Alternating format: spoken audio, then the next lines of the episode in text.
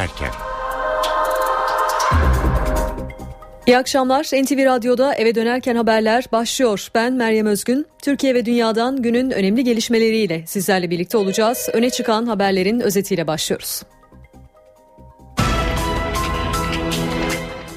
30 Mart yerel seçimleri sona erdi. Kesin olmayan sonuçlara göre AK Parti Türkiye genelinde 49, CHP 13, BDP 10, MHP 8 ilin belediye başkanlığını kazandı.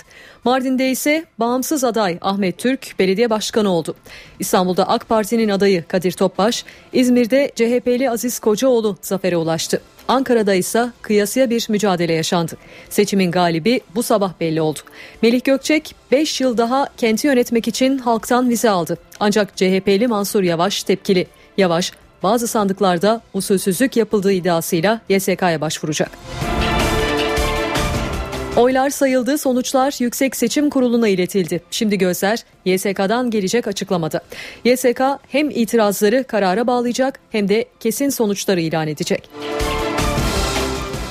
Başbakan Erdoğan seçim zaferinin ardından köşke çıkıyor. Erdoğan önümüzdeki dakikalarda Cumhurbaşkanı Abdullah Gül'le görüşecek. Erdoğan'a tebrik telefonları da gelmeye başladı. Rusya Devlet Başkanı Putin başbakanı aradı ve yerel seçim başarısı nedeniyle kutladı. Ana muhalefet partisi CHP ise 2009 yerel seçimine göre oy oranını bir miktar artırdı. Ancak Genel Başkan Kemal Kılıçdaroğlu bunu yeterli bulmadı, öz eleştiri yaptı. Kılıçdaroğlu istifa edeceği yönündeki iddiaları ise yalanladı. Türkiye ekonomisi 2013 yılında beklentileri aşıp %4 büyüdü. Büyümeye paralel kişi başına milli gelir de yükseldi. Fransa'da da halk tıpkı Türkiye gibi yerel yöneticilerini belirlemek için sandık başına gitti. Seçimin kazananı sağ partiler oldu. Gündemden satır başlarını aktardık. Şimdi ayrıntılar.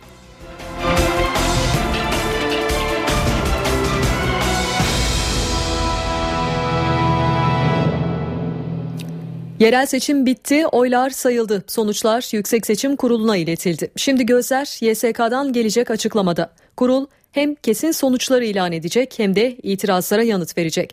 Ayrıntıları NTV muhabiri Gökhan Gerçek'ten alacağız. Gökhan, YSK'dan ne zaman bir açıklama gelecek?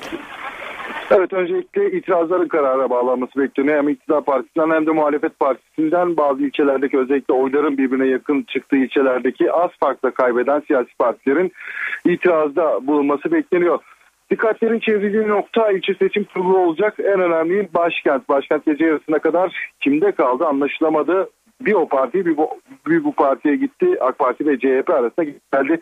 E, belediye başkan adayları hatta çıktılar açıklama yaptılar. Seçim biz kazandık dediler ama e, sonuçlara kesin olmayan sonuçlara göre e, AK Parti adayı Melih Gökçek seçimi önde bitirdi. Ancak Mansur Yavaş tarafından bu seçim sonuçlarına itirazda bulunulması bekleniyor. Özellikle bazı sandıklarda usulsüzlük yapıldığı iddiası var dünden beri. Çok sayıda tutanak ihbarı gelmişti. Ee, birleştirme tutanakları yani oyların oyların bulunduğu çuvalların üzerindeki birleştirme tutanakları ile CHP'nin kendi tuttuğu tutanaklar arasında fark var mı yok mu seçim merkezinde bunlar araştırılıyor. Fark olan noktalarda itirazlar yapılacak ve o bölgelerde oyların tekrar sayılması gündeme gelecek. Özellikle e, CHP'nin güçlü olduğu Çankaya'nın yeni mahalle belediyeleriyle ilgili sayımlarda usulsüzlük yapıldığı hatta birleştirme tutanaklarının usulsüzlük yapıldığı iddiaları var. İşte özellikle bunları dikkate alınarak tekrardan kontrol ediliyor. YSK'nın resmi sonuçlarıyla CHP'nin kendi sonuçları arasında fark olması durumunda itiraz yapılacak ilçe seçim kurullarına kurulun bu itirazları yeterli görmesi durumunda da bu ilçelerde tekrar sayım yapılması da gündeme gelecek. En başa dönersek itirazlar sonuçlanacak. Ardından da hangi parti, parti ne kadar oy aldı netleşince kesin sonuçlar seçim kurulu tarafından açıklanacak.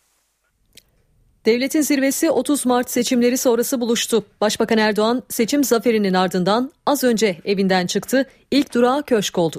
Cumhurbaşkanı Abdullah Gül'le Başbakan Erdoğan'ın görüşmesine dair notları NTV muhabiri Murat Barış Koralp aktaracak. Murat.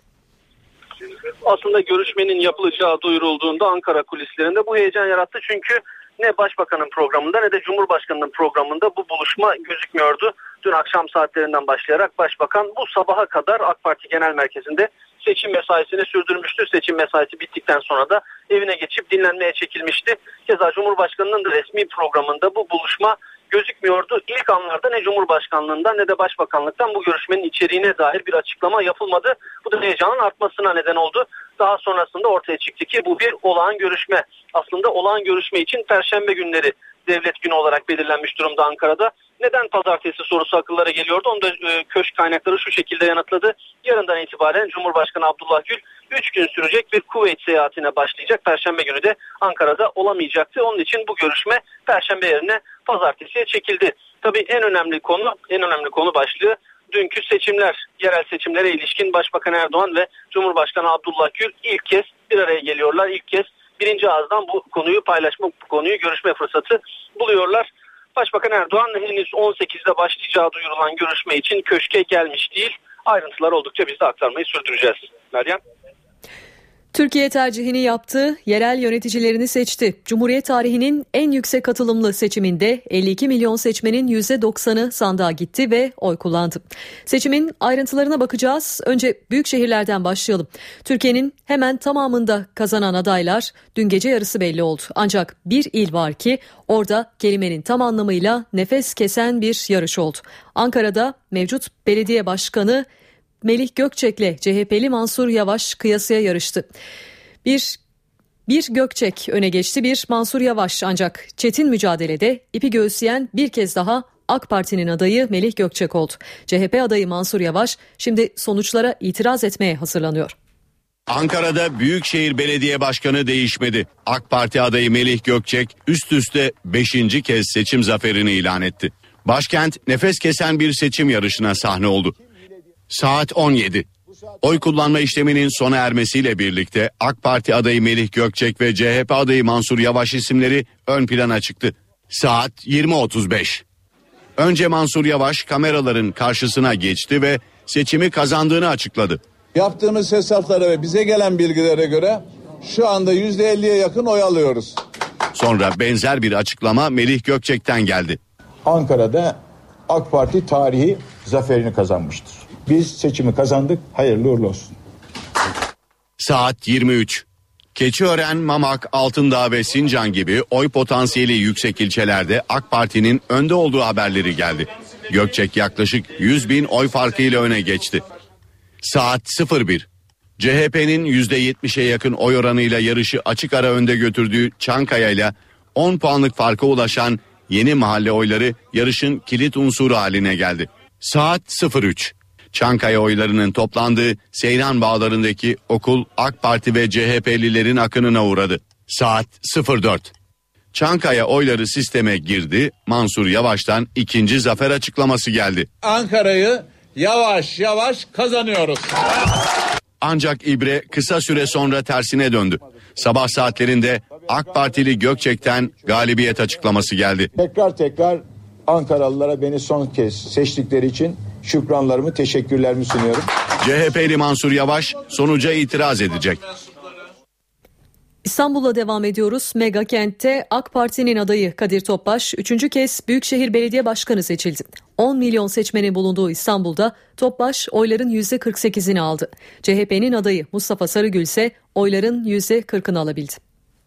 İstanbul'da Büyükşehir Belediye Başkanı değişmedi. AK Parti'nin adayı Kadir Topbaş 3. dönem üst üste seçim zaferini ilan etti. Aynı saatlerde CHP karargahında hayal kırıklığı vardı. İstanbul'da baş döndüren bir seçim yarışı yaşandı. İlk veriler gelmeye başladığında hem CHP hem de AK Partililer sonuçları sevinçle karşıladı. Farklı kaynaklardan gelen çelişkili bilgiler nedeniyle her iki partinin de önde olduğu iddiası vardı. Ancak ilerleyen saatlerde sonuçlar netleşmeye başladı. Kadir Topbaş %48, Sarıgül ise %39 bandındaydı. CHP İl Başkanı Oğuz Kağan Salıcı kameralar karşısına geçti. Bazı mahallelerde elektriklerin kesildiğini öne sürdü. Kendi sonuçlarına göre Sarıgül öndeydi. Uzun zamandır elektrik kesintisini unutmuş olan yurttaşlarımız yarım saatten uzun bir süre elektrik kesintisiyle karşılaştı. Kısa bir süre sonra AK Parti İl Başkanı Aziz Babuşçu kameralar karşısında isim vermeden salıcıya yüklendi.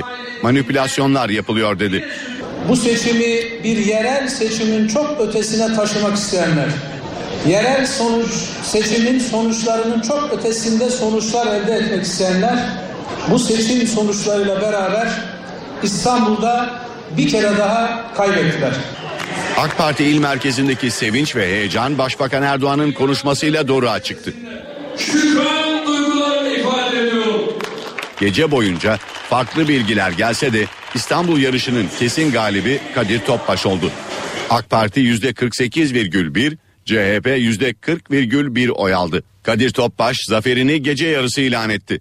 Kazanan İstanbul, kazanan Türkiye hayırlı olsun diyorum. Mustafa Sarıgül ise sabah saatlerinde yazılı bir açıklama yaptı. Sarıgül her şeye karşın Cumhuriyet Halk Partisi olarak İstanbul'da bugüne kadarki en yüksek oyumuzu aldık. Yapmamız gereken daha çok kenetlenerek hiç zaman kaybetmeden yarından itibaren dünden daha hırslı çalışmaya başlamaktır dedi. Liderlerin seçim sonucunu nasıl yorumladığına bakalım şimdi. Başbakan Erdoğan bir seçimin ardından daha balkon konuşması yaptı. Muhalefet ve cemaate yüklendi. Halka yeni bir sayfa açalım dedi. Siz yeni Türkiye'nin istiklal mücadelesine sahip çıktınız. Sizlere teşekkür ediyorum. Gelin yeni bir sayfa açalım. Başbakan Recep Tayyip Erdoğan beklenen balkon konuşmasını yaptı. Ahlak dışı siyaset kaybetti dedi. Bugün ahlak dışı siyaset kaybetmiştir. Kaset siyaseti, montaj siyaseti, iftira ve çamur siyaseti kaybetmiştir. Başbakan Erdoğan'ın hedefinde Gülen cemaati vardı. Bugün 30 Mart. 25 Mart'tan sonra kaos dediler. Doğru. Kaosu gördük.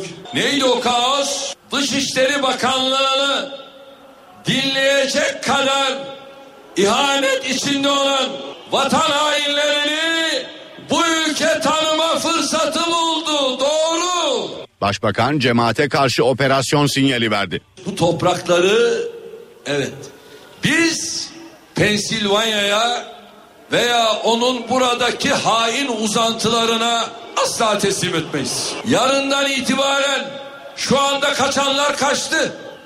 Yarından itibaren de kaçanlar olabilir ha. Bazıları için şahsen suç duyurusunda bulundum. Bunlar kaçabilir dedim. Ve bundan sonra dedim ya inlerine gireceğiz. Başbakan Erdoğan Suriye toplantısının ses kayıtları üzerinden muhalefeti eleştirdi. Kardeşlerim neye yandım biliyor musunuz? Dış işlerinde olan olaydan sonra şahsıma yapılan iftiraların hepsini bir kenara koyuyorum.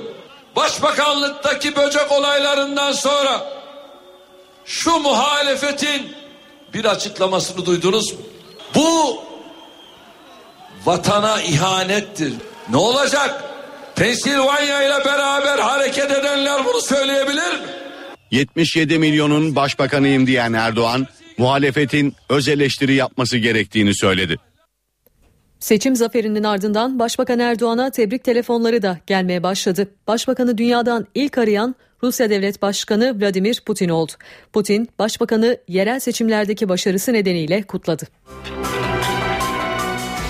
Seçim sonuçları belli olurken özellikle Ankara'da CHP adayının AK Partili Gökçe'yi zorladığı saatlerde gözler ana muhalefet partisindeydi. Ancak CHP Genel Merkezi'nden beklenen açıklama gelmedi.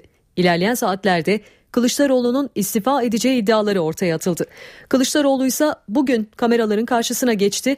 2009'a göre partisinin oy oranı bir miktar yükselen Kılıçdaroğlu beklediğimiz oyu alamadık ancak güçlenerek geleceğiz dedi. İstifa iddialarını yalanlayan Kılıçdaroğlu Başbakan Erdoğan'ın balkon konuşmasını da sert sözlerle eleştirdi. Yine bir balkon konuşması yaptı. Açıkça demokrasiyi, hukuku, siyasal partileri, sosyal grupları tehdit etmeye başladı. Kimsin sen tehdit ediyorsun demokrasilerde? Muhalefeti dizayn etmeye kalkıyor. Bu zat her dediğine evet efendim diyen bir muhalefet istiyor. Muhalefet sözcüğünü dahi bilmiyor bu kişi. Ne anlama geldiğini bilmiyor. Çünkü muhalefete tahammül edemiyor. Ama ona şunu söylemek isterim. Bu daha başlangıç. Eğer önünde boyun eğecek kişi arıyorsan balkon konuşmasında yanında olan adamlara bak. Bize hiç bakma. Biz başımız dik yürürüz. Kendi yandaşları benim istifa edeceğim şeklinde bir haber de yayıyorlar. Biz sonuna kadar mücadele edeceğiz. Tamam beklediğimiz oranda oy almadık onu ben de biliyorum. Ama bir çizgimiz var yukarıya doğru kararlılıkla gidiyoruz. Ağır ağır sindire sindire halka daha fazla gideceğiz. Gerçekleri daha fazla anlatacağız. Uyuyan vicdanları uyandırıncaya kadar. En sevindiğim Hatay oldu. Hatay'a barış gelecek ve Türkiye'ye barış gelecek. En üzüldüğüm Artvin oldu. Kurultay koşulları oluşursa elbette kurultay yaparız. Biz demokrasiye inanıyoruz. Niye kurultay yaptın, niye istedin diye insanları asla suçlamayız. MHP Genel Başkanı Devlet Bahçeli dün gece yaptığı değerlendirmede partisini başarılı bulduğunu, sonuçların kendileri tarafından iyi analiz edileceğini söyledi. Seçim sonuçları yargının yerine geçemeyecek, mahkemelerin görevini ifa edemeyecektir. Milliyetçi Hareket Partisi Türk milletinin seçim ve tercihine saygı duymaktadır. 30 Mart mahalli idareler seçimleri enine boyuna incelenecek ve analiz edilecektir. Milliyetçi Hareket Partisi önemli sayılabilecek bir başarıya imza atmıştır. Bilhassa büyükşehir, il, ilçe ve belde belediye başkanlıklarında ya kazanmış ya da kazanmanın eşiğine gelmiştir. Bu bizim açımızdan bir gelişme, gelecek için de ümit var bir tablodur. Adalet ve Kalkınma Partisi seçim sonuçlarını doğru okumalı. Türkiye'nin bekası ve senliğiyle milletimizin huzur ve refahı için bundan sonra uygulayacağı politikalarda hassas hareket etmelidir. BDP eş başkanı Selahattin Demirtaş seçim sonuçlarını oy kullandığı Diyarbakır'da değerlendirdi. Partisinin Doğu ve Güneydoğu'da önemli ölçüde başarıya ulaştığını belirten Demirtaş, toplumdaki gerginliğin azaltılması için liderlerin sağduyulu davranması gerektiğini söyledi. Türkiye'de seçmen kitlesi ağırlıklı olarak görüşünü koruyor. Partilerden yana görüşünü ağırlıklı olarak koruyor. Çok bariz bir seçmen eğilimi değişimi biz gözlemlemedik. Bizler seçim öncesi BDP olarak öngördüğümüz hedeflerimizin %80'ine 85'ine ulaştık. Halkların Demokratik Partisi'nin de e, batıda istenilen ölçüde olmasa da belli bir kabul gördüğü ortaya çıktı. Toplumu birbirine bu kadar düşmanlaştıracak, öfkeyi bu kadar artıracak bir dilin, bir siyasetin kimseye yararı olmadığını, olmayacağını söylemiştik. Nihayetinde bu ortaya çıktı. Bu gerilimlerin aslında kalıcı olmaması için siyasi partilerin bu konuda çaba sarf etmesi lazım. Eve dönerken haberlere kısa bir aranın ardından devam edeceğiz. Eve dönerken devam ediyor. Eve dönerken haberlerde yeniden birlikteyiz. Seçimde Ankara'da olduğu gibi Antalya, Adana ve Yalova'da da yarış kritikti. Antalya'da AK Parti CHP, Adana'da ise AK Parti MHP'nin adayları son ana kadar kafa kafaya yarıştı. Antalya'da AK Parti'nin adayı Menderes Türel, Adana'da MHP'li Hüseyin Sözlü birinci oldu. Yalova'da ise sonucu tek bir oy belirledi. Antalya'da önce CHP Büyükşehir Belediye Başkan adayı Mustafa Kaydın'ın üstünlüğü vardı. Ancak sonra durum değişti. AK Partili aday Menderes Sürer'le CHP'li Akaydın'ın oy oranları uzun süre kafa kafaya gitti. Kesin olmayan sonuçlara göre AK Parti adayı Menderes Sürer kazandı. Tartışmasız bir şekilde, tereddüde mahal bırakmayan bir şekilde 23 bin farkla Antalya'da AK Parti seçimleri, Büyükşehir Belediye Başkanlığı seçimlerini kazanmıştır. Yalova'dan ise çelişkili sonuçlar geldi.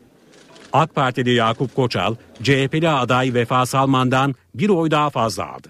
CHP'ye göre sonuç hatalıydı.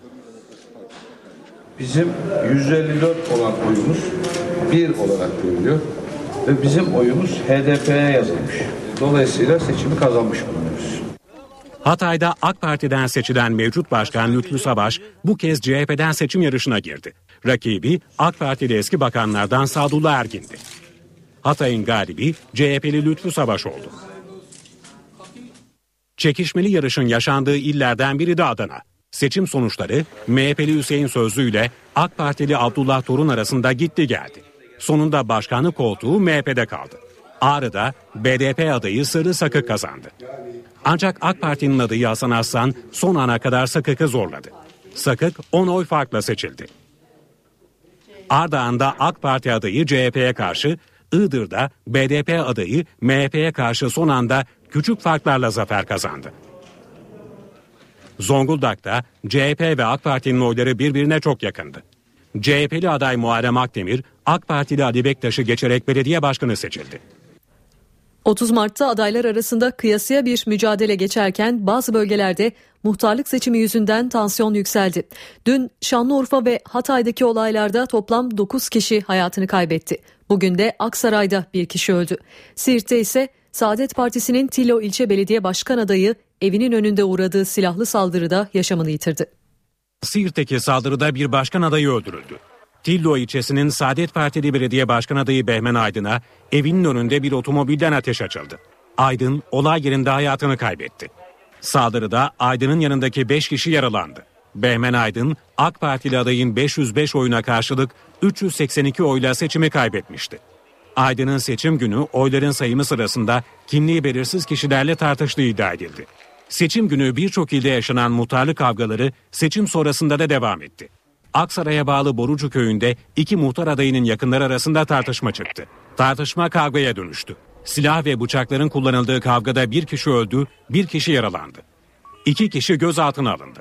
Gaziantep'te akraba olan Kenan T ile polis memuru Beyhan T muhtarlığa aday oldu.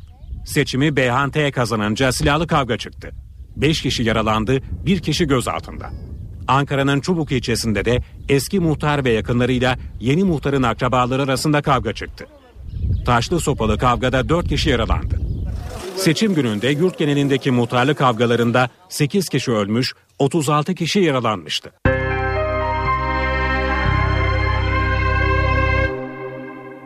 Peki sandıktan çıkan sonuç nasıl yorumlanmalı? Başbakan balkon açıklamasının satır aralarında hangi mesajları verdi? Habertürk gazetesi yazarı Muharrem Sarıkaya'nın değerlendirmeleri şöyle. Seçmen diyor ki benim istikrarıma dokunma. Yani benim e, şu anki ekonomik durumuma, stabil hayatıma dokunma. Ben gerisini ilgilendirmiyor beni diyor. Yani rüşvetmiş, yolsuzlukmuş, işte başka şeylermiş. Bu tür iddialara benim kulağım kapalı diyor. Birincisi bu. İkincisi ulusal meseleler olduğu zamanki Dışişleri Bakanı olaylı e, açısından söylüyorum. Çünkü Dışişleri Bakanı olayı Dışişleri Bakanlığındaki olay patlamadan önce ve sonraki oy oranlarında farklılıklar göze çarpıyor. Orada da daha farklı bir tutum sergiliyor. O konularda da ben seninle beraber değilim vazgeçer öbür tarafta yerimi alırım diyor. Çözüm süreci konusunda önemli bir mesajı görüyoruz. Ve bununla birlikte e, çok dikkat çekici bir şey. 2 milyon 900 küsür bin yeni oy var. Yeni gelen seçmen de öyle YouTube, Twitter falan olayında e, çok da umursamadığı e, karşımıza çıkıyor. Doğu Güneydoğu'da BDP'nin önemli bir başarı öyküsü var. BDP'ye artık yöneldiği çok net bir şekilde karşımıza çıkıyor. Hizmet açısından baktığımız zaman sen bana ne yapacağını anlat diyor. Yani CHP açısından veya MHP açısından baktığımızda da sen bu yolsuzluk kasetleriyle hep uğraştın durdun ama bana ne vereceğini tam anlamıyla koymadın diyor. Bugüne dönük değil Ağustos'a dönük. Ağustos'ta Cumhurbaşkanlığı seçimine dönük e, bir mesajdı. Bundan sonrasını ben belirlerim diyor. Seçimde büyük şehirlerin yanı sıra gözler Doğu ve Güneydoğu bölgesinde neler olacağına da çevrilmişti. Güneydoğu'da oylar AK Parti ve BDP arasında paylaşıldı. Bitlis BDP'ye geçti. Mardin'de bağımsız Ahmet Türk kazandı. Bölge sonuçlarını NTV'den Mete Çubukçu'yla konuşacağız şimdi. Mete Çubukçu iyi akşamlar. İyi akşamlar. Seçimlerin ardından Güneydoğu'daki tablo nasıl? Ee, birincisi BDP'nin e, başarı kazandığı ortada. E, belediye sayısına bakıldığı zaman e, 8'den 11'e çıkarmış ki e, bunun iki tanesi de e, yeni kazanılan e, belediye büyükşehir olan Büyükşehir yani e, Mardin, e, Van ve Diyarbakır'ı aldı. Onun yanında 8 tane de il kazandı. E, bu açıdan Bitlis'i e, aldı. E, Tunceli'de e, BDP'liydi belediye ama Tunceli sonuçta Kemal Kılıçdaroğlu'nun memleketiydi. Orada tekrardan BDP kazandı. Aldığı e, ilçeler, beldeler var. Toplam e, 103 şimdi 103 ya da 104 e, netleşene kadar 36 ilçe ve 23'te beldesi var. Genel oy toplamına baktığımızda yine 6 bantını koruduğu gibi görünüyor. BDP, HDP e, birlikleriyle e, birlikte. E, dikkat çekici bir diğer e, nokta e, özellikle kadın adayların çokluğu hatta bugün Selahattin Demirtaş basın toplantısında bu kadınların bir başarısıdır e, dedi. Seçimi kazanan kadınlardır dedi. Eş başkanlık sistemi hayata e, geçirildi. E, diğer yandan e, bu bir yandan hem çözüm sürecine verilmiş bir oy hem e, BDP'nin öne sürdüğü e, işte tartışmalı e, olan demokratik özelliğe e, verilmiş bir oy e, sayılabilir. E, dolayısıyla e, bundan sonra BDP biraz daha güçlü bölgede gidecek gibi görünüyor.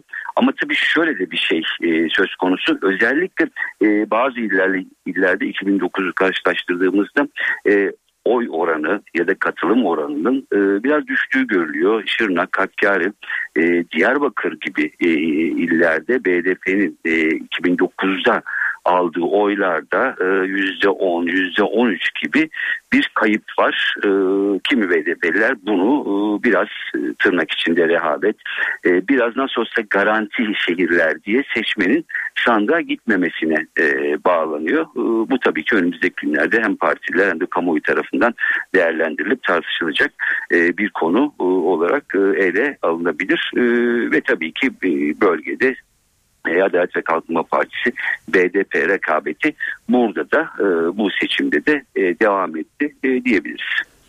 Peki bu sonuçlar çözüm süreci açısından ne ifade eder?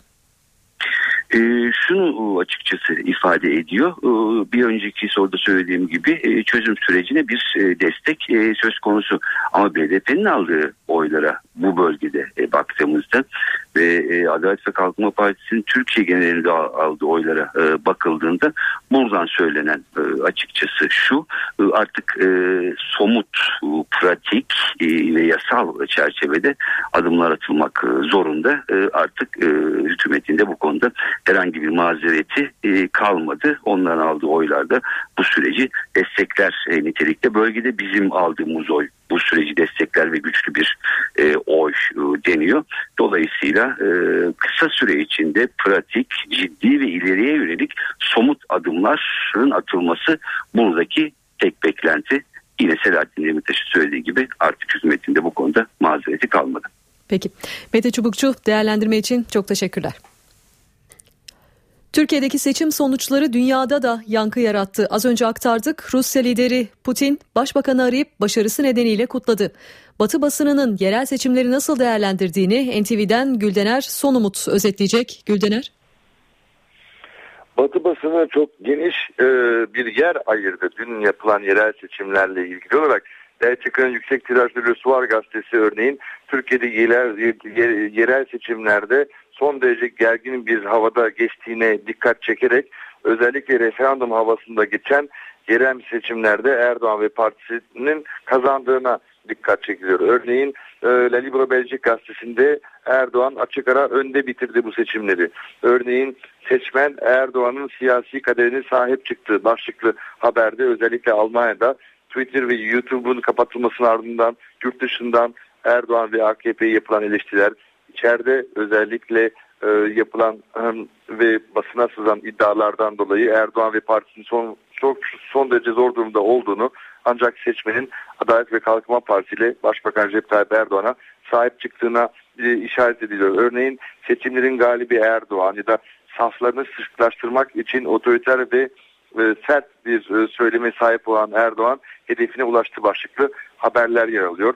Hak Erdoğan'a e, sahip çıktı. Bundan sonra Cumhurbaşkanlığı önündeki engelde kalktı başlıklı haber yer var. Güney e, Avrupa'da örneğin İspanya'da bazı ilginç başlıklar var. Örneğin e, seçim mitinglerinde sesini kaybeden Erdoğan'a seçmen e, ses verdi şeklinde başlıklar yer alıyor ve özellikle seçmenlerin e, çoğunlukla AKP'yi e, seçerek yerel yönetimlerde e, partiye ve e, parti başkanına yeniden güvenlerini yenilediklerini dile getiriyorlar. İtalya'da daha çok laikler ve muhafazakar arasında geçen bir e, rekabet olduğuna işaret ediyor ve burada muhafazakar partilerin önde bitirdiğini, e, muhafazakar ve laikler arasında yapılan maçta aslında bir maçın olmadığını ve Başbakan Recep Tayyip Erdoğan ile parti ve partinin örgütlerinin, e, partiye bağlı örgütlerin yapmış oldukları çalışmalar sayesinde sandıktan beklediği neticeyi elde aldığını, bundan sonra Cumhurbaşkanlığı belki de erken seçime giden yolların bulunduğunu ve bir başka başlık ise o daha çok e, Almanya'da ve Kuzey Avrupa'da e, Avrupa Birliği'ne üye ülkelerin özellikle Twitter ve YouTube'un kapatılmasıyla ilgili olarak son derece sessiz kaldıklarını, e, Avrupa Birliği'nin tepkisi daha çok kurumlardan gündeme geldiği ifade ediliyor ve bunun gerçeği aslında AB ülkeler Erdoğan'ın yeniden seçileceğini bildiklerinin altını çiziyorlar. Saat 18.32 NTV Radyo'da eve dönerken haberlere devam ediyoruz. Öne çıkan haberlerin satır başlarını hatırlatalım. 30 Mart yerel seçimleri sona erdi. Kesin olmayan sonuçlara göre AK Parti Türkiye genelinde 49, CHP 13, BDP 10, MHP 8 ilin belediye başkanlığını kazandı. Mardin'de ise bağımsız aday Ahmet Türk belediye başkanı oldu. İstanbul'da AK Parti'nin adayı Kadir Topbaş, İzmir'de CHP'li Aziz Kocaoğlu zafere ulaştı. Ankara'da ise kıyasıya bir mücadele yaşandı. Seçimin galibi bu sabah belli oldu. Melih Gökçek 5 yıl daha kenti yönetmek için halktan vize aldı. Ancak CHP'li Mansur Yavaş tepkili. Yavaş bazı sandıklarda usulsüzlük yapıldığı iddiasıyla YSK'ya başvuracak. Başbakan Erdoğan seçim zaferinin ardından köşke çıktı. Erdoğan, Cumhurbaşkanı Abdullah Gül'le görüşüyor. TÜSİAD yerel seçimlerin ardından yazılı açıklama yaptı. Açıklamada son dönemlerde kaygı verici düzeye yükselmiş bulunan kutuplaşmayı ortadan kaldıracak bir siyasi tutumun ve söylemin oluşmasına siyasetin tüm taraflarının katkı vermesini umut ediyoruz denildi. Sandıkta mücadele kıyasıya sürerken yurdun değişik noktalarından şiddet haberleri geldi. Muhtarlık kavgasında iki günde 10 kişi öldü. Siirt'te ise Saadet Partisi'nin Tilo ilçe belediye başkan adayı evinin önünde uğradığı silahlı saldırıda hayatını kaybetti. Suriye'deki çatışmalar sırasında atıldığı tahmin edilen 4 top mermisi Yayladağ ilçesine düştü, bir kişi yaralandı. Birleşmiş Milletler iklim değişikliği konusunda uyardı. Hazırlanan raporda dünya 2 dereceden fazla ısınırsa savaş, kıtlık ve salgın hastalık tehdidi baş gösterecek dendi. Şimdi yurt geneli için hava tahminlerini alacağız. NTV Meteoroloji Editörü Gökhan Abur'u dinliyoruz. İyi akşamlar. Batıda sıcaklıklar yeniden yükselirken Doğu Karadeniz ve Doğu Anadolu'nun kuzeyinde hava yarın da soğuk olacak. Hafta boyu batı ve Akdeniz'de sıcaklıklar yükselirken Karadeniz'de havanın daha serin olmasını bekliyoruz. Yağışlar yurt geneli etkisini şimdilik kaybediyor. Yarın yalnızca Antalya'nın batısı ve Edirne Tekirdağ arasında hafif yerel yağışlar görülebilir. Çarşamba günü yurt genelinden bir yağış beklemiyoruz. Ama Doğu Karadeniz'de artacak bulutlanma hafif yağış bırakabilir. Perşembe günü ise Batı ve Akdeniz'de yağış yok. İç Anadolu'nun kuzeyi ve doğuda ise yerel yağışlar görülecek. İstanbul'da hafta içi yağış beklemiyoruz. Hava parçalı bulutlu olacak. Sıcaklık ise yarın 15 derece. Ankara'da hava açık. Gündüz sıcaklık 14. Gece ise 1 derece olacak. İzmir'de ise hava açık. Sıcaklık ise 18 derece olacak. Akşam rüzgar serin esmeye devam edecek. Hepinize iyi akşamlar diliyorum. Hoşçakalın. Saat 18.35 an itibariyle İstanbul trafiğindeki son duruma bakalım. Köprülere bakıyoruz. Avrupa'dan Asya'ya her iki köprüde oldukça yoğun. Boğaziçi Köprüsü'nde Avrupa'dan Asya yönüne Trafik yoğunluğu Mecidiyeköy'den başlıyor. Köprüden sonra Altunizade'ye kadar devam ediyor.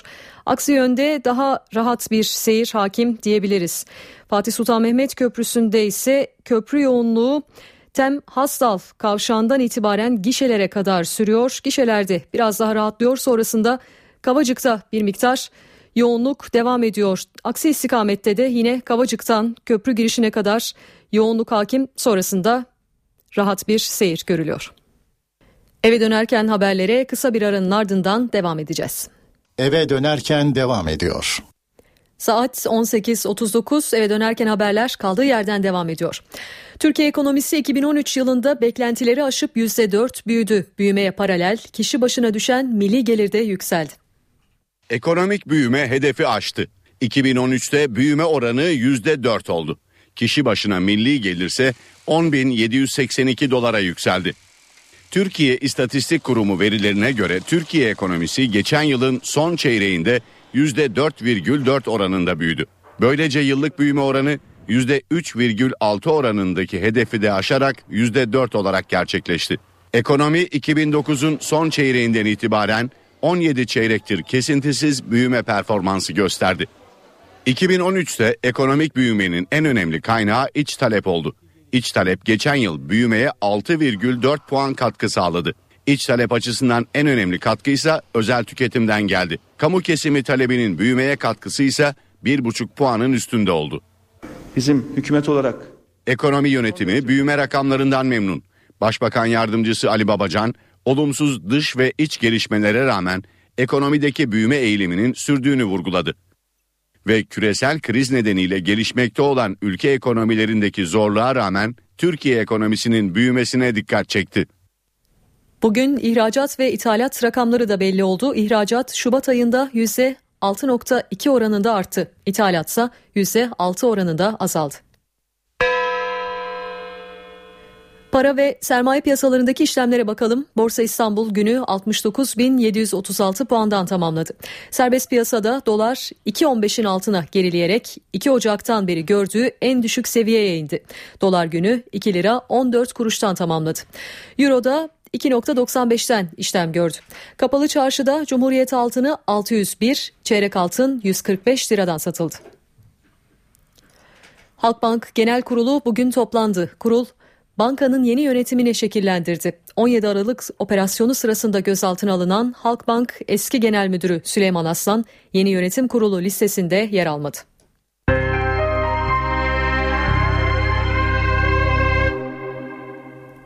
Türkiye gibi Fransa'da da dün yerel yönetim seçimleri yapıldı. Fransa'da seçimin galibi sağ partiler oldu. Sol partilerin elinde olan 155 şehir yönetimi sağ partilerin eline geçti. İktidardaki Sosyalist Parti Paris, Lyon, Strasbourg ve Nantes kentlerini az farkla kazansa da genelde hezimete uğradı. Daha fazla ayrıntıyı NTV muhabiri Kayhan Karaca'dan alacağız. Kayhan, Fransa'da bu seçim sonucu ne ifade ediyor ve Hollande siyasi geleceği sıkıntıda mı?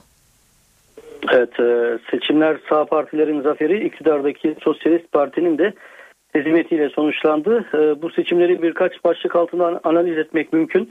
İlk olarak seçime katılım oranı çok düşüktü. Seçmenlerin %36'sından fazlası sandık başına gitmedi. E, Fransa tarihinde bu bir rekor. İkinci olarak İçişleri Bakanlığı'nın verilerine göre Fransa'da nüfusu 9 binin üzerindeki 155 kentte yerleşim merkezlerinde e, belediyeler sol partilerden sağ partilere geçti. Benzer bir manzaraya Fransa en son 1977 yılında tanık olmuştu. Sağ partilerin elindeki 94 yerleşim merkezi o yıl seçimlerde solun yönetimine geçmişti. Ee, e, Sosyalist Parti'ni Sosyalist Parti solun kaleleri olarak bilinen birçok kentte seçimi kaybetti. Bunlar arasında Montpellier ve Limoges gibi önemli kentler de var. E, bu kentlerden bazıları onlarca yıl Sosyalist Parti'nin yönetimindeydi. E, örneğin Limoges kenti 102 yıldır tam olarak e, Sosyalist Parti tarafından yönetilmekteydi. Sosyalist Parti çevreciler ve komünistlerle ittifakı sayesinde Paris ve Lyon kentlerinin büyükşehir belediye, belediyelerini alarak teselli bulduğu adeta. Az farklı da olsa yine çevreciler ve komünistlerle ittifakı sayesinde Strasbourg, Nantes ve Lille gibi kentlerinde belediyelerini e, kazanmayı başardı. Seçimlerin sayısal e, oy oranı açısından e, galibi ise ana muhalefetteki Halk Hareketi Birliği Partisi. E, bu parti 2008 yılındaki seçimlerde 150, 120 e, belediye kaybetmişti. Dün e, fazladan 142 belediye kazanarak 2008 yılındaki konumundan çok daha iyi bir konuma yerleşmiş durumda. Ana muhalefet bu sonuçla Mayıs ayındaki Avrupa Parlamentosu seçimlerine moral depolamış biçimde girecek. Seçimlerin siyasi açıdan kazanına, kazananına gelince e, şüphesiz herkesin de e, gör, birleştiği görüş e, aşırı sağcı Milli Cephe Partisi. E, Marine Le Pen e, liderliğindeki Milli Cephe tarihinde ilk defa bir seçimde 12 kentin belediyesini birden kazandı. Ülke genelinde 1300'den fazla da belediye meclis üyesi çıkarmayı başardı. Kıyaslamak gerekirse Milli Cephe'nin 2008 seçimlerinde sadece 100 belediye meclis üyesi vardı ülke genelinde. E, Fransa'nın özellikle Akdeniz sahilleri ile kuzey ve doğudaki sınır kentlerinden oy aldığının da altını çizmekte fayda var aşırı sağcıların. Milli Cephe bu sonuçlarla kurumsallaştığını göstermiş oldu. Ülkenin şu anda ilk 3 büyük partisinden biri konumunda. Mayıs ayındaki Avrupa Parlamentosu seçimlerinin de favorileri arasında hatta bazı anketler Milli Cephe'nin Avrupa Parlamentosu seçimlerinden sandıktan birinci çıkabileceğini dair dahi gösteriyor. Dün çıkan e, bu sonuçlar üzerine Cumhurbaşkanı Hollande'ın bu gece kabinede değişikliğe gidileceğini açıklaması bekleniyor. Büyük olasılıkla yarın Fransa'da hükümet içinde değişiklik yaşanacak. Başbakan da değişecek büyük olasılıkla ve e, başbakanlık için e, adı geçen en e, favori isim şu anda İçişleri Bakanlığı yapan ve iktidar partisinin sağ kanadını temsil eden Manuel Valls. Hemen hatırlatayım Manuel Valls 1962 Barcelona doğumlu yani doğduğunda bir İspanyol vatandaşıydı. 1980 yılların başında Fransa'ya bir göçmen çocuğu olarak geldi ve üniversite yıllarında Fransız vatandaşı oldu ve o tarihten bu yana da şu anda üyesi olduğu Sosyalist Parti içinde militanlık yapıyor. Kayhan teşekkür ediyoruz aktardığın bilgiler için. Suriye'deki çatışmalar sırasında atıldığı tahmin edilen 4 top mermisi Yayladağ ilçesine düştü. Bir kişi yaralandı. Top mermilerinden biri cami duvarına isabet etti. Bu sırada cami yakınındaki kaldırımda yürüyen bir kişi şarapnel parçalarının isabet etmesi sonucu yaralandı. Diğer top mermileri ise Güzel Yurt köyündeki bir bahçeyle boş araziye düştü. Bir evin camları kırıldı. Suriye'de radikal İslamcı militanlar tarafından kaçırılan iki İspanyol gazeteci serbest bırakıldı. 6 ay sonra özgürlüklerine kavuşan gazeteciler ülkelerine Türkiye üzerinden döndü. Suriye'de 6 ay önce kaçırılan iki İspanyol gazeteci serbest bırakılmalarının ardından ülkelerine döndü. Gazeteciler Irak Şam İslam Devleti militanları tarafından kaçırıldıktan sonra serbest bırakılarak Türk yetkililere teslim edilmişti. İspanyol Savunma Bakanlığı'na ait bir uçakla Türkiye'den Madrid'e uçan gazetecileri havaalanında aileleri ve iş arkadaşları karşıladı. İspanyol gazeteciler apronda eşlerine ve çocuklarına sarılarak hasret giderdi. Serbest çalışan Ricardo Garcia ile El Mundo gazetesi muhabiri Javier Espinosa 16 Eylül'de Suriye'nin kuzeydoğusunda ülkeden çıkmaya çalışırken rehin alınmışlardı. Rehinelerin kurtarılması için çok dikkatli davranıldığını belirten İspanyol Dışişleri Bakanlığı fidye ödendiğine dair iddialarla ilgili açıklama yapmadı. Suriye'de hala en az 9 yabancı gazeteciyle 10 Suriyeli gazetecinin kayıp olduğu belirtiliyor. İsrail'de eski başbakanlardan Ehud Olmert rüşvet davasında suçlu bulundu. Olmert'in Kudüs Belediye Başkanlığı döneminde bir gayrimenkul projesine ilişkin 228 bin rüşvet aldığı kaydediliyor. 68 yaşındaki Olmert'in 10 yıla kadar hapis cezası alabileceği belirtiliyor. Bu kararla son dönemde İsrail Başbakanı Netanyahu'ya karşı eleştirilerini artıran Olmert'in siyasi hayatının biteceği yorumları da yapılıyor. Ehud Olmert 1993-2003 yılları arasında Kudüs Belediye Başkanlığı, 2006-2009 yılları arasında da İsrail Başbakanı olarak görev yapmıştı. İklim değişikliği dünyayı vuracak. Birleşmiş Milletler iklim değişikliği raporunda çarpıcı uyarılarda bulundu. Buna göre dünyanın 2 dereceden fazla ısınması felaket senaryosunu gerçeğe dönüştürecek. İnsanlık salgın hastalıklar ve savaşlarla karşı karşıya kalacak, kıtlık baş gösterecek. İklim değişikliğinin insanlığa tehdidi büyüyor. Uyarı Birleşmiş Milletler'den geldi. Birleşmiş Milletler İklim Değişikliği Paneli küresel ısınmanın etkilerini tartışmak için Japonya'da buluştu. Yüzlerce araştırmacı 7 gün süren toplantı sonrası bir rapor yayımladı. Bu raporu dikkate almalıyız. Çünkü araştırma ve tahminlerimize göre dünyada iklim değişikliğinden etkilenmeyecek tek bir insan bile yok. Rapora göre dünya 2 dereceden fazla ısınırsa savaş, kıtlık ve salgın hastalık tehdidiyle karşı karşıya kalacak. İklim değişikliğinin önümüzdeki 100 yıl içinde sel, sıcak hava dalgası ve kuraklığa yol açması öngörülüyor. Buna göre mısır, buğday, pirinç üretimi azalacak. Hem karada hem denizde birçok canlı türü yok olacak. Deniz suyu ısınmakla kalmayacak, daha asidik olacak. Yükselen asit seviyesi denizaltı ekosistemine zarar verecek. İnsanlar da topluca yer değiştirecek. Sıcaklık, salgın hastalık, kıtlık, sel, susuzluk ve iç savaş göçe neden olacak. İklim değişikliğinin etkilerini azaltmak için karbon salınımını kontrol altına almak ve küresel ısınmaya engel olmak gerekiyor.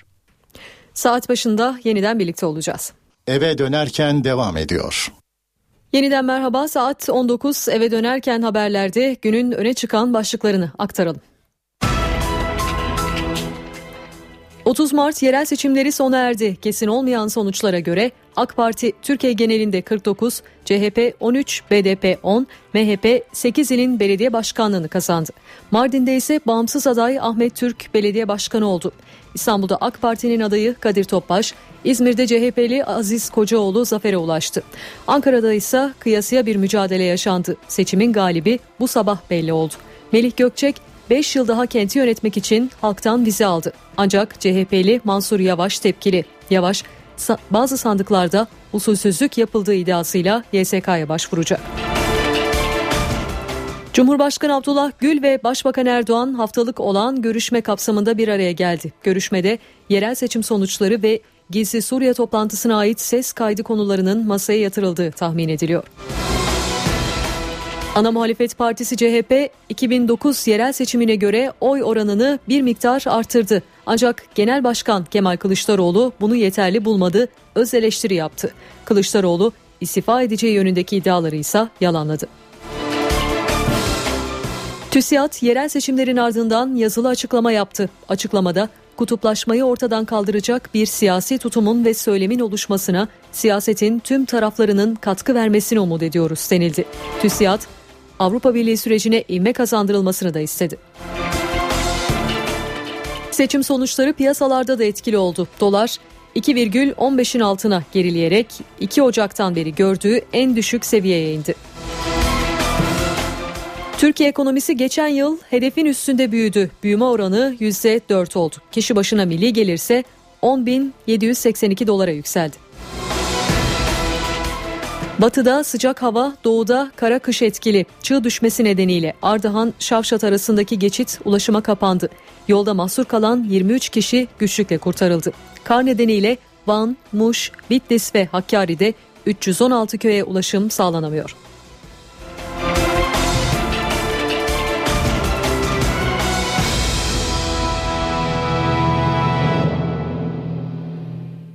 Saat 19.02 gösteriyor. An itibariyle İstanbul trafiğindeki yol durumuna bakacağız son olarak. Köprülere göz atıyoruz. Avrupa'dan Asya'ya birinci köprü yolunu kullanacaklar için zor bir yolculuk gözlendiğini söyleyebiliriz.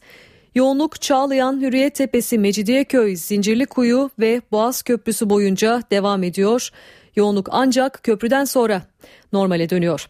Asya'dan Avrupa yönüne köprüden önce açık ama sonrasında Mecidiyeköy, Ok Meydanı, Cevizli Bağ kadar yoğunluk devam ediyor. Hatta Şirin Evlere kadar ciddi bir yoğunluk var.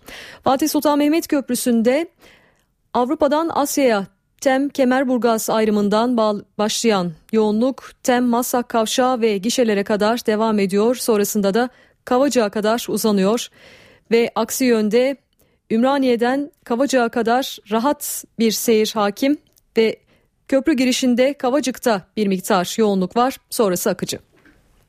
NTV Radyo'nun yayını kısa bir aranın ardından Cem Dizdar ve Gürcan Bilgic'in yorumculuğunu yaptığı Çift Forvet programıyla devam edecek. Mutlu akşamlar diliyorum.